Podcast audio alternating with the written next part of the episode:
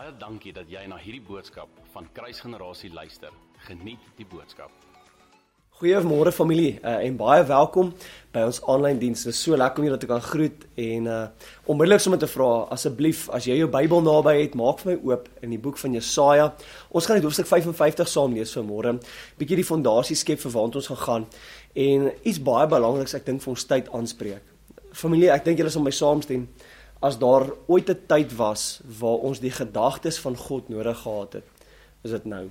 Ehm um, ek dink dis iets wat in ons wêreld tekort kom. Ek dink dis iets wat uh, ons almal nodig het vir wysheid, vir in, vir insig, vir rigting, vir sekere besluite. Ehm um, maar verseker ook om net vol hoop te bly. Om te bly gefokus om gefokus te bly op die dinge waaraan God dink maak dit ons harte vol is om dit ons sy perspektief naby in ons hart te bring. En as ons dinge sien soos hy dit sien, natuurlik sal hoop deel wees van ons storie. En ek wil jou vra om saam met my oop te maak by Jesaja 55 en terwyl jy dit doen, laat my toe net vir ons te bid oor vanmôre se woord. Hemelse Vader, ons ons eer U vanmôre. Ons sê vir U dankie vir die geleentheid wat ons het om die skrif oop te kan maak en te weet, Here, U het vir ons iets te sê. U wil ons help, U wil ons lei, U wil ons leer. En Heilige Gees, my my gebed is dit dat dat u ons sal kom leer lei in alle waarheid soos wat Jesus beloof het. Here, u is die beste leermeester en ons is gretig om vanmôre by u te hoor in Jesus naam. Amen. So familie, soos ek genoem het, ons lees hierso uit Jesaja 55 uit en ons begin met vers 8. Uh bekende skrifgedeelte en ek dink wat baie keer vir baie mense uh 'n bietjie van 'n verskoning geword het. Uh nietemin voor ek voor ek myself vooruit gaan, kom ons lees die skrif eers saam sê hierso for my thoughts are not your thoughts nor are your ways my ways says the Lord. Dis net interessant nie die Here begin met sy gedagtes. Hy sê dis nie ons gedagtes nie. Maar dan draai hy dit om. Hy begin met sy gedagtes, sê dis nie ons en dan sê hy ons wee is nie sy wee nie. Nou dis vir my interessant. Ek dink die rede daarvoor is eintlik eenvoudig alhoewel ek dink daar meer daarin is en dalk vir 'n ander dag bedoel is. Maar God sê hierso dat omdat ons manier van dink nie sy manier van dink is nie, is ons manier van doen dan nie sy manier van doen nie. Hy het 'n manier van dink wat hoër is as ons in, wat wat dieper is as ons in, wat anderste is as ons in. Vers 9 sê die volgende: For as the heavens are higher than the earth, so my are my ways higher than your ways, and my thoughts than your thoughts. Nou weer eens daar's weer 'n verskywing hierso en ek wil nie te veel tyd op dit spandeer vanmôre nie, maar ek besef wanneer ek hierdie lees en so luister na soveel gelowiges, ek hoor baie keer hoe hulle hierdie skrif quoteer en sê sien God dink nie soos ons nie, hy doen nie soos ons nie, daarom kan ons nie verstaan nie. Jy weet God's ways are so mysterious, God works in mysterious ways en daai klas van ding. En en tog terwyl dit skrif is, is dit skrif wat gegee word binne in 'n sekere dispensasie. Ons is nuwe verbondskinders van die Here wat beteken dat die skrif soos dit hier bedoel word nie meer in dieselfde sin van toepassing is op nuwe verbondskinders van die Here nie. Nou hoor my, God se woord is ewig, dit verander nooit nie. Maar die impak daarvan of die ek wil amper sê die manier op hoe hierdie gedeelte van toepassing is op my is verskuif. Kom ek kom ek gee 'n eenvoudige voorbeeld. Die skrif sê dat ehm um, dat dat sekere mense natuurlik die ewigheid uh jy weet in die hel sal spandeer. Uh ek weet dis nie my deel my porsie met ek se wedergebore kind van die Here. Ek leef binne in daardie verbondsrealiteit van die feit dat ek op pad is hemel toe. Nou weer daar's baie ander implikasies en so aan, maar ek dink julle sien dat dit maak nie dat daai realiteit nie bestaan nie. Dit beteken nie dat dit anderste vir my natuurlik sal uitspeel omdat ek onder hierdie nuwe verbond met Jesus Christus staan. In dieselfde sin is die implikasie vir ons daar dat ons het nodig om te verstaan hierdie word gegee vir mense wat onafhanklik van God leef, wat nie in verhouding met God staan nie. En dan kom Paulus in 1 Korintiërs hoofstuk 2 en dis waartoe ek wil beweeg vanmôre en sê iets baie interessants rondom die gedagtes van die Here en natuurlik om bekend te wees daarmee. So as jy jou Bybel daarna by het, asseblief maak oop in 1 Korintiërs hoofstuk 2. Ons gaan lees hierso van vers 11 af net vir 'n bietjie konteks. My hoofvers vir vanmôre is vers 16. So ons gaan bietjie soontoe beweeg. Maar hoor gou hierso asseblief wat sê dit. Besef asseblief ook dat hierdie hierdie nou spreek van mense wat binne in verbond met God staan, wat in daardie verhouding met die Here staan. So hierdie is nie vir mense bedoel wat nie in verhouding met die Here staan nie. Inteendeel, Paulus onderskei dit juis in hierdie skrifgedeelte. Sê hierso: For what man knows the things of a man, except the spirit of the man which is in him. Even so, no one knows the things of God except the Spirit of God. Prys die Here. Ons het Heilige Gees wat binne in ons woon en dit beteken dat ons 'n verbintenis het aan hierdie selfde gedagtes van die Here. Ons kom dit natuurlik agter in vers 16 spesifiek, maar dit gaan aan hierson sê in sê vers 12. Now we have received not the spirit of the world but the spirit who is from God, that we might know the things that have been freely given to us by God. So God gee vir ons sekere dinge. These things, met ander woorde die dinge wat ons ontvang het, reg? Die dinge wat ons ontvang het, these things we also speak not in words which man's wisdom teaches, but which the Holy Spirit teaches. Okay, so Paulus sê ons praat van dinge hierso wat deur God se Gees gegee word en julle wat natuurlik geestelik onderskei hierdie vermoë om dit te onderskei. Hy praat natuurlik aan hierso comparing spiritual things with spiritual, but the natural man does not receive the things of the spirit of God, for they are foolishness to him nor can he know them because they are spiritually discerned. Reg baie belangrik hier. So hy praat van twee tipes mense hierso. But he who is spiritual judges all things, yet he himself is rightly judged by no one. Vers 16, die kernvers vir vanmôre wil ek amper sê. Dit sê hierso: For who has known the mind of the Lord that he may instruct him? Weet die en hierdie woordjie known is die woord vir intimiteit, om in verhouding te staan mee, om iets soos jy in kontak kom daarmee te leer. Dis amper asof jy on the job training kry. Jy's nie besig om 'n boek teoreties op te swat nie. Uh jy's nie besig om te leer wat die huwelik is uit 'n boek uit nie. Jy's in 'n huwelik en nou weet jy waar gaan die huwelik regtig. Dis daai hele gedagte. Who has known the mind in die Afrikaans wat dalk sê as jy in Afrikaans gelees het, die sin van die Here.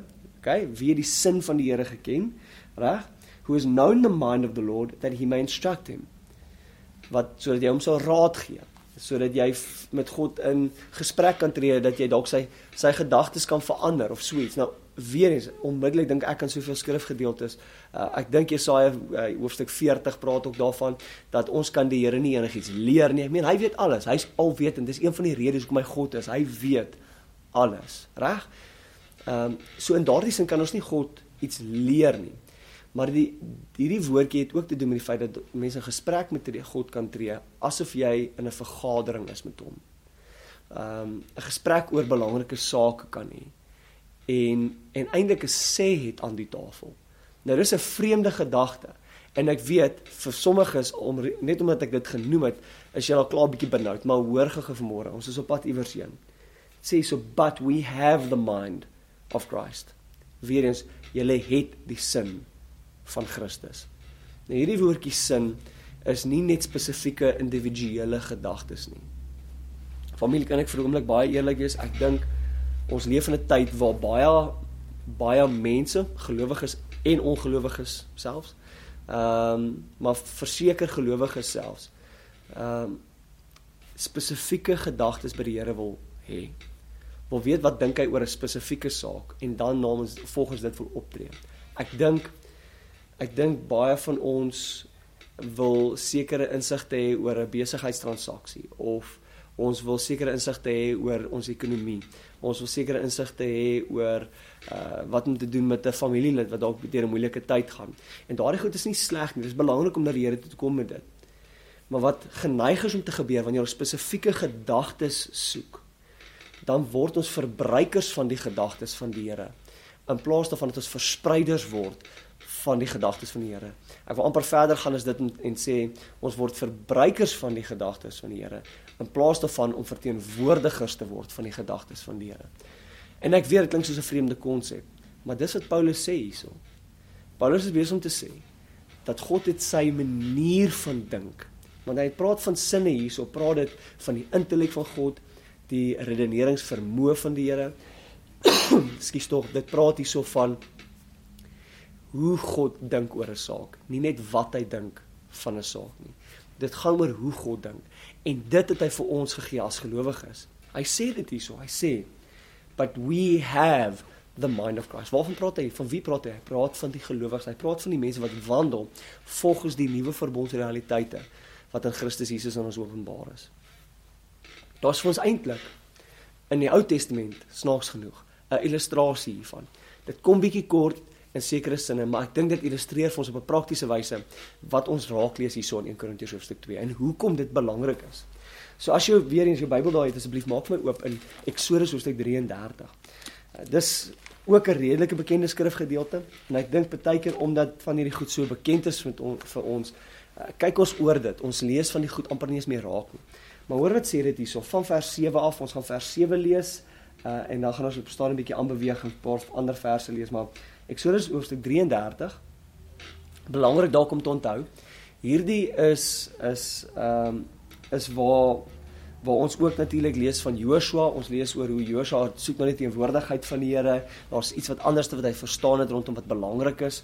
Ehm um, maar hoe dit ook al sou lees hier van vers 7 af Moses took his tent and pitched it outside the camp far from the camp and called it the tabernacle of meeting. And it came to pass that everyone who sought the Lord went out um, to the tabernacle of meeting which was outside the camp. Nou hoor gou hierso. In die, die ouens het in Afrikaans ook saam gelees het, so dit dalk opgetel het. Dit sê in hierdie in hierdie hierdie woordjie wat sê sought the Lord. Dit praat daarvan om te gaan raadpleeg, om die Here se insig en wysheid te soek vir 'n spesifieke saak. Here, ek het 'n krisis, ek kom na U toe. Nou, hulle word dit word nie uitgelig omdat dit 'n slegte of negatiewe ding is nie. Inteendeel is 'n baie goeie ding. Ons is veronderstel om na die Here toe te kan kom. Uh met moeilike situasies, met vir insig, vir wysheid, vir vir raad in spesifieke omstandighede om die spesifieke gedagte van die Here te ontvang wanneer dit nodig is.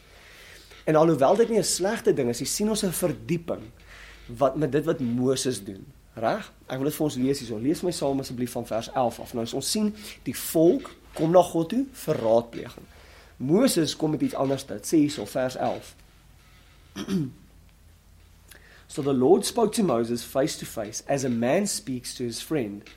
And he would return to the camp, uh, skrifgedeelte, but his servant Joshua, the son of Nun, a young man, did not depart from the tabernacle. Verse 12. Then Moses said to the Lord, See, you say to me, Bring up this people, but you have not let me know whom you will send with me.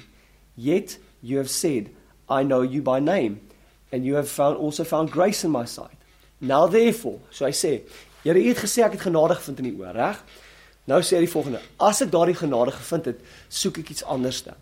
Ek soek nie net wat die wat die gemiddelde persoon soek nie. Ek wil nie spesifieke gedagtes kry nie. Ek wil nie net hoor gaan links of regs nie. Dis interessant, want die volk kom na God toe om hom te raadpleeg vir spesifieke sake. Moses soek iets anders te. Hoor wat soek Moses hierso. Sê Now therefore verse 13. Now therefore I pray if I have found grace in your sight. As ek die grace gevind het wat u gesê het ek gevind het. Here, show me now your way. Wat het Jesaja 55 sê? Your ways are not our ways, reg? Nou Moses sê ek wil daai weer ken. Nou hierdie woordjie vir weer is dieselfde woord wat vertaal word daarso in Jesaja 55. Dis dieselfde woord. Maar die woordjie beteken nie net die optrede nie. Dit beteken nie net die die die dinge wat gedoen word nie. Dit beteken die karakter. Dit verwys na die karakter van die een wat die dinge doen. Die motivering agter die dinge wat gedoen word. Met ander woorde, familie en hier is dit so belangrik is. Moses stel nie net daarin belang om spesifieke instruksies te ontvang by die Here soos wat die volk gesoek het nie. Moses sê, Here, ek wil die karakter verstaan. Ek het 'n begeerte om die manier wat u dink en die rede hoekom u dink soos u dink. Dit wil ek hê. Here, ek wil dit hê. En hoor wat sê hy dan hierso? Hy sê if I found grace in your sight, show me now your way that I may that I may know you. Want ek wil u ken. Ek wil u ken, Here. En as ek nie u manier gaan verstaan nie, gaan ek u nie ken nie. Is dit nie mooi nie, familie? Moses het God gesoek. Hy het nie God se instruksies gesoek nie. En dit is so naby. Ek weet God se instruksies is belangrik. Uh, Inteendeel, dis hoekom dit nie 'n slegte ding is wanneer die volk gaan soek daarvoor nie. Dis 'n goeie ding. Maar Moses soek 'n verdieping van die instruksies. Hy soek 'n verdieping van die spesifieke gedagtes van die Here. Hy soek die motivering, hy soek die hart van God. Reg? Dit gaan aan hierso. Hy sê if I found I say now now therefore I I pray if I have found grace in your sight show me now your way that I may know you and that I may find grace in your sight. Ek soek nog meer van daai grace. Ek soek nog meer van daai genade in U, Here. Ek wil ek wil in alignment kom met U. Nou dis 'n amazing gebed om te bid. Dis dis 'n ongelooflike stelling om te maak vir iemand wat reeds met God praat van aangesig tot aangesig. Wat totale akses het tot die Here. Dis iemand wat sê onder 'n ou verbond, Here, net om U dade te sien is nie vir my goed genoeg nie. Inteendeel, Psalm 103, ek wil dit dalk vir ons lees. Praat juis ook van hierdie gedeelte. Dit sê hierso dat God dit dan inteendeel ons sien in hierdie eintlik die die antwoord, die antwoord wat God vir vir Moses sou gee. Sê hierso uh, Psalm 103 vers 7. He made known his ways. Wat het hy gevra? Here, wys my u weë. You show me your ways, reg?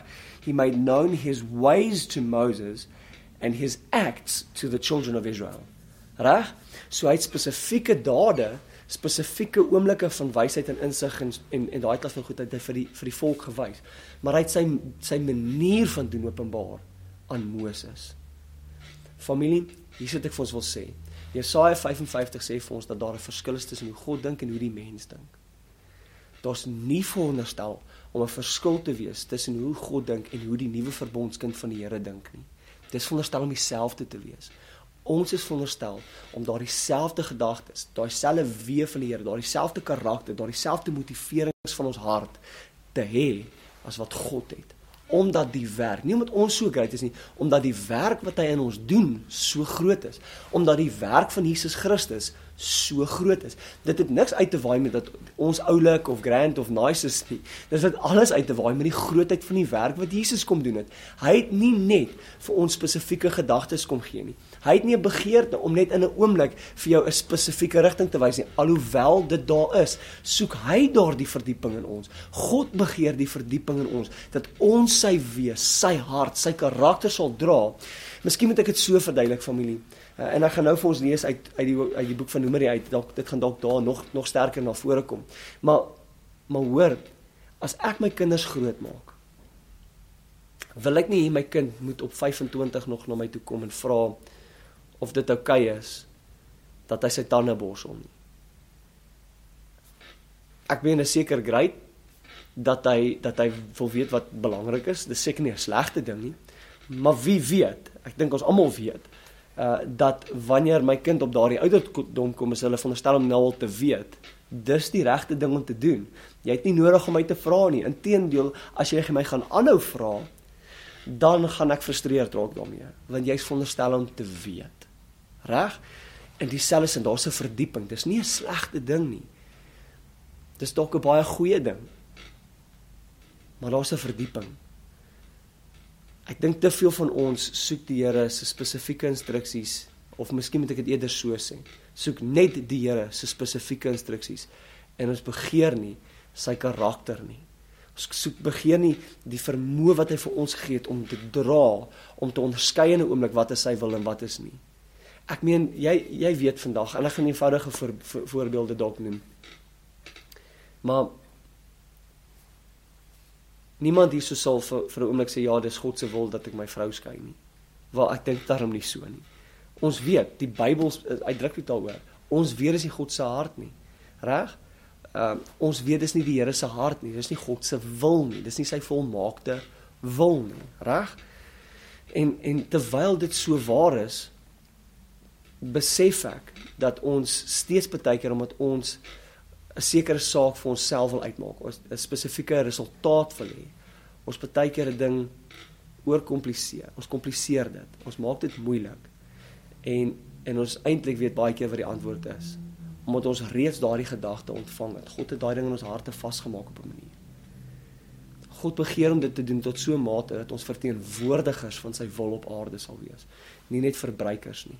Nie net iemand wat hom toe kom en vra, Here, wat wil U hê ek doen met hierdie nie? Is dit belangrik? Ja. Wat vir my interessant is van dit is dat Jesus sê ek doen niks wat ek nie my Vader sien doen nie en ek sê niks wat ek my Vader nie hoor sê nie. Tog sien jy nêrens dat Jesus vra, Here, wat is hierdie wil? Wat is die wil hierson nie? Hy weet wat die Vader se wil is. Omdat hy so lank in verhouding staan met die met die hart van die Vader word die karakter van die Vader openbaar deur hom. Hy het nie eens nodig gehad om sekere goeie te onderskei nie. Hy het net eenvoudig geweet want dis wat my pa se karakter is. Familie, ek hoop dit maak sin. Maar as dit nie doen nie, lees asseblief van my Numeri hoofstuk 14. Ek dink hierdie gaan dalk duidelik word hierso. Numeri hoofstuk 14. Uh, ons gaan hierso saam lees van vers 10 af. Hierdie speel af net nadat ehm uh, Moses die 12 spioene gestuur het om gaan kyk na die beloofde land. Hulle sien dis 'n amazing plek, maar natuurlik daar's negatiewe woorde oor die oor die beloofde land. Sê hierso die volgende.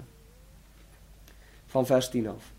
And all the congregation said to stone them with stones. Dit praat van die ouens wat goed gepraat het. So die ouens wat negatief was, het natuurlik die hele volk opgesweep en die ouens wat positief was, natuurlik Caleb en Joshua, uh word negatief na gekyk omdat hulle goed dink oor die beloofde land en die beloftes van die Here, reg?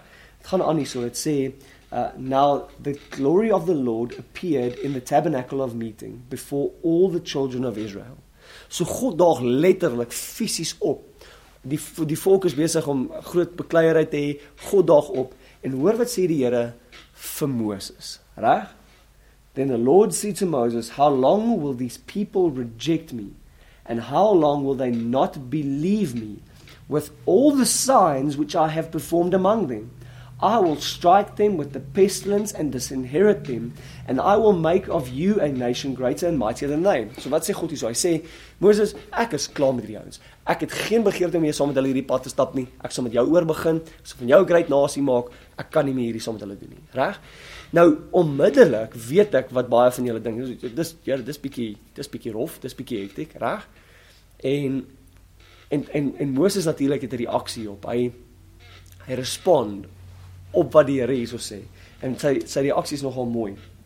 Sê hierso ehm um, vers 13.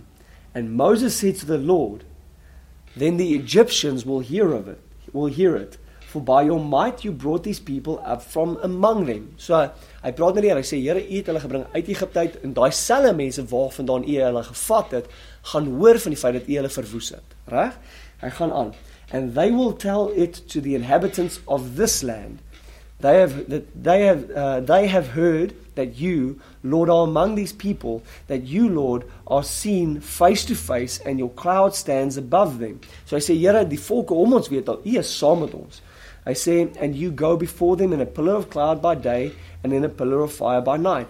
Now, if you kill these people as one man, then the nations which you have, which have heard of your fame will speak, saying, Because the Lord was not able to bring, the, uh, bring this people to the land which he swore to give them, therefore he killed them in the wilderness. So wat sê hy wees hy wees om te sê Here, die mense om ons gaan dink dat ehm um, u nie die vermoë gehad het om hierdie mense se harte te draai nie, u het nie die vermoë gehad om vir hulle die beloftes te vervul wat u gesê het u gaan vervul nie en dis kom jy hulle maar net doodgemaak het sodat u beloftes ehm um, as dit nie in vervulling kom nie, nie teen teen nie sleg reflekteer nie. Reg? So hy's besig om 'n gesprek met die Here te hê. Nou, kom ons wees eerlik. Is is Moses besig om vir God iets te vertel wat God nie weet nie? Nee, natuurlik nie. Weereens, ek het dit net genoem. God is alwetend. Hy weet alles. Dis nie die rede hoekom hy is wie hy is. Hy weet alles. Moses is nie besig om God goed te vertel wat hy nie weet nie. Reg? Kom ons lees aan. Sê hierso. Ehm um, Verse 17. And now I pray, let the power of my Lord be great, just as you have spoken, saying, The Lord is long suffering and abundant in mercy, forgiving iniquity and transgressions. But he by no means clears the guilty, visiting the, the iniquity of the fathers and the children to the third and fourth generation. Nou baie ons sal hierdie natuurlik gebruik vir generational curses en daai klas van goed en as jy nog steeds aan daai goed glo asseblief gaan kyk na ons Sunday sessions ons het hierdie mooi aangespreek. Maar dit gaan aan hierson. Dit sê uh vers 19 Pardon the iniquity of this people I pray. So so Moses intercede by die Here dat dat God hierdie mense sal vergewe, reg? Ekskuus tog. Dit sê so.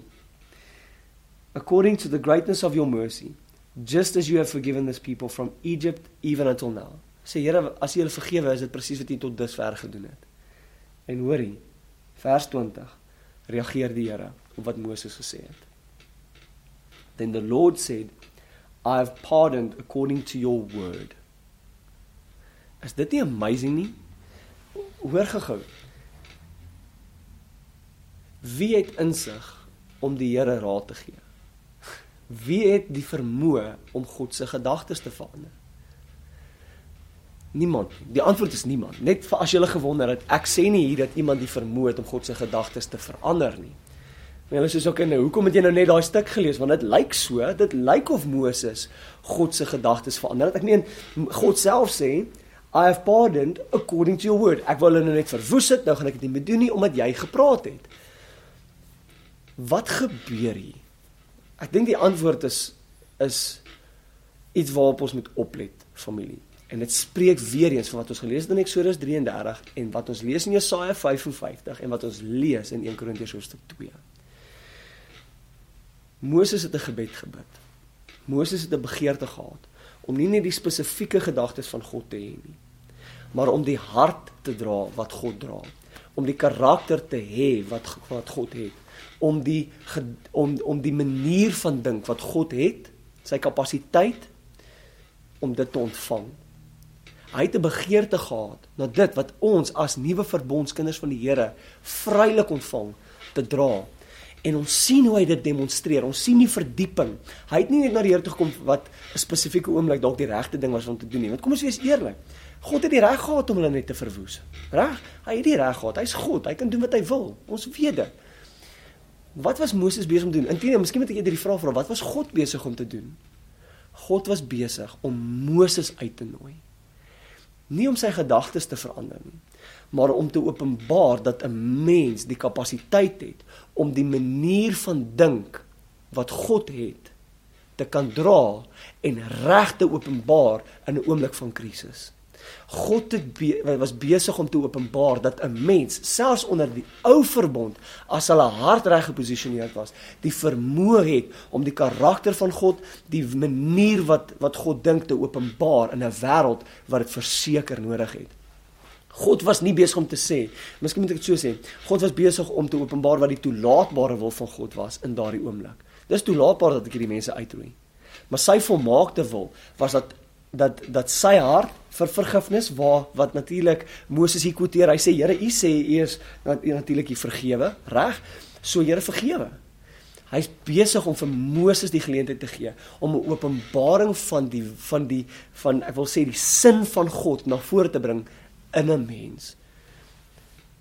En ek weet dat daar baie van ons is wat ongemaklik is daarmee omdat ons voel ons is ons is dit nie waardig nie. Ons is nie veronderstel om so te maar familie hoor wat ek vir julle sê vanmôre. Dis wat hierdie wêreld nodig het.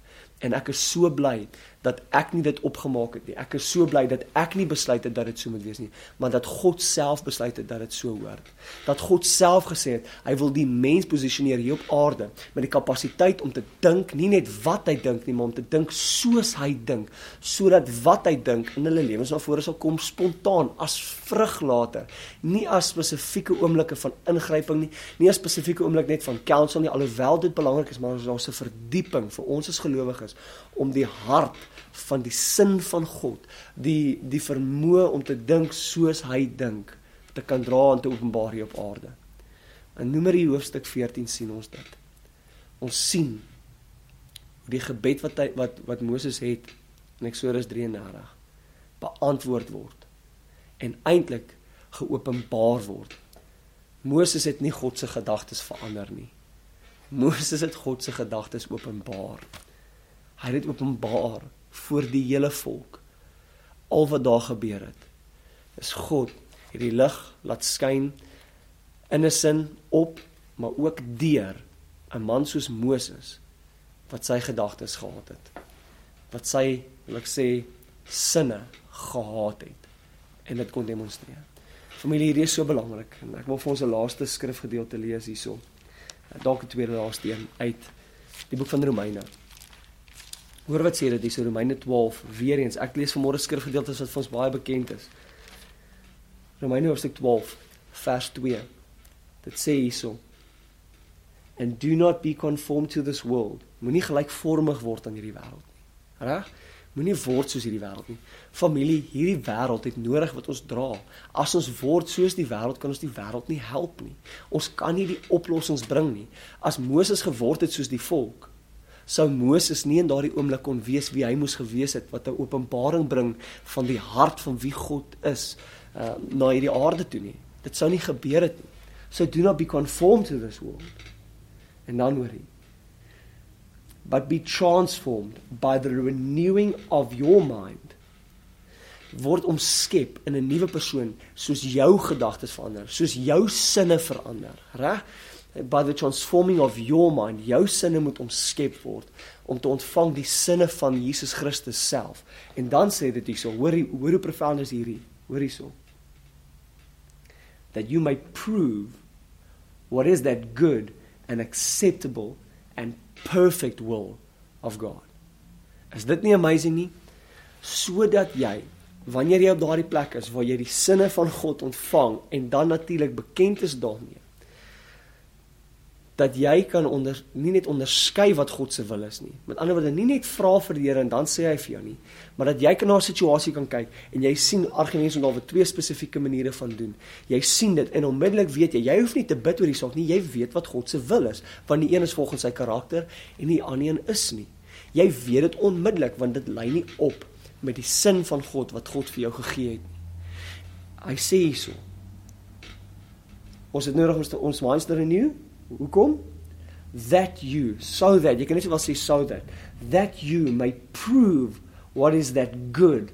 Met ander woorde, sodat jy kan kyk na goed en jy kan eintlik die woordjie hierso prove beteken om te ondersoek letterlik na te kyk naby en te kan en dan te kan onderskei onmiddellik omdat jy weet wat die natuur is van die koninkryk wat jy verteenwoordig that you may prove jy kan bewys wat is die goeie aanvaarbare en volmaakte wil van die Here jy is veronderstel om nie te wandel volgens Jesaja 55 nie jy is veronderstel om te wandel as 'n openbaring van Jesaja 55 waar God sy gedagtes, sy manier van doen, sy karakter in ons gee, vir ons gee, aan ons toevertrou, ons in verhouding met dit staan en ons dit openbaar in 'n wêreld wat dit desperaat nodig het. Familie, jy is toevertrou met die sin van die Here Jesus Christus en jy het dit aan jy ons het die verantwoordelikheid om natuurlik goeie stewards te wees. Ek wil weer vir ons lees hierso 1 Korintiërs hoofstuk hoofstuk 4 Onthou, hoofstuk 2 sê ons hierdie sin van die Here. Hoofstuk 4 sê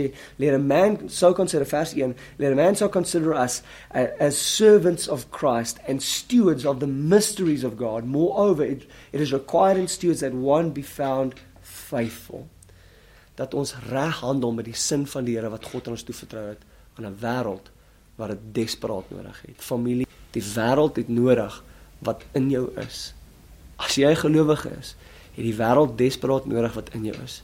Die sin van die Here, die manier wat God dink is nodig vir hierdie wêreld. God kies om dit so te doen.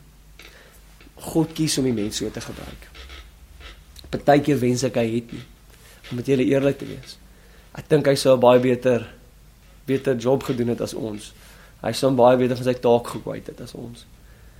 Maar hy kies om dit so te doen omdat in die proses wanneer ons akkuraat so optree, word God verheerlik. Dink aan wat daar gebeur het. Wie's verheerlik in daai oomblik?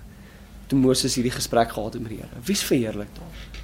Moses? Nee, verseker nie. God is verheerlik daardeur.